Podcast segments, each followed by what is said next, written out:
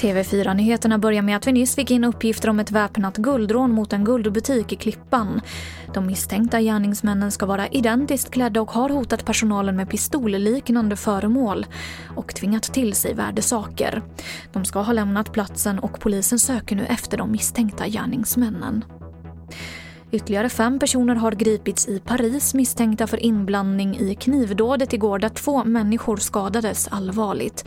Attacken klassificeras som ett terrordåd och skedde utanför byggnaden där satirtidskriften Charlie Hebdo tidigare hade sin redaktion.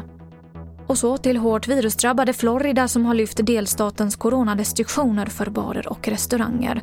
Men fortfarande så finns lokala restriktioner. Det är ungefär 40 000 personer som smittas med covid-19 dagligen just nu i USA. Men guvernören i Florida som är allierad med president Trump vill helt öppna upp ekonomin och den digitala kön till högskoleprovet är öppen igen efter att man igår kväll tvingades stänga den tillfälligt eftersom belastningen var för stor.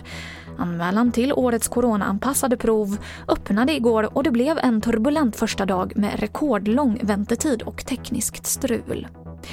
Och det var det senaste från TV4 Nyheterna. Jag heter Emily Olsson.